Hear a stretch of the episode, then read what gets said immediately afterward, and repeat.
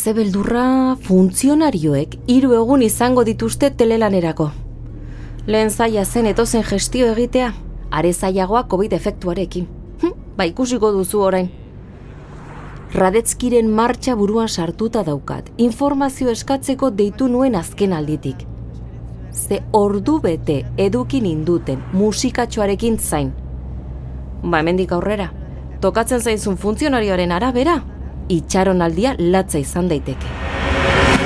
Laster izango gara zurekin. To berriro martxa, baina desafinatuta. Segurazki funtzionariaren alaba izango da, etxean entxeatzen. Eta maiketakoa prestatzen, eta lurra erratzatzen, eta komunean beharrak egiten, eta dardo batzu jaurtitzen, eta barkatu. Gure telefono sarea, gainezka dago. Deitu berriro geroago.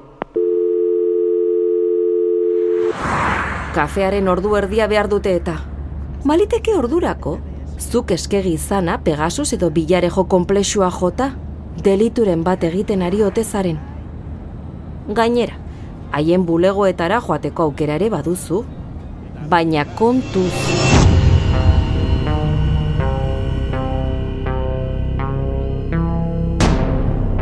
Antza, eraikin publikoetan, argiaren eta gasaren erabilera iraunkorragoa egiten saiatuko dira.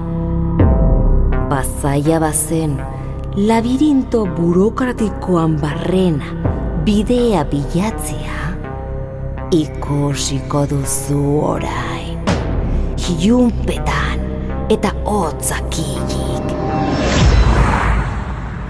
Baina egon, ze hori dena, ekintza plan bat da, Errusiakoagatik ezarri dutena.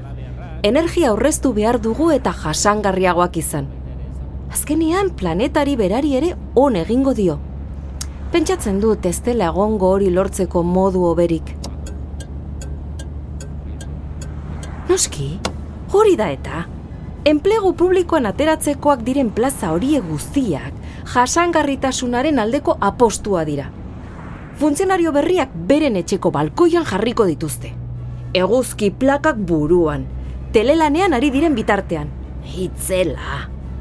Lan egitea, aurreztea eta energia sortzea, hm, dena izango da bat. Ba ikusiko duzu, nolako tonto orpegia jarriko zaien. Eta guri ere bai, telefonoaren beste aldean zain. Bitxia da. Tonto hitza, buruan sartuta daukat aspaldi honetan. Batez ere energian pentsatzen dudanean,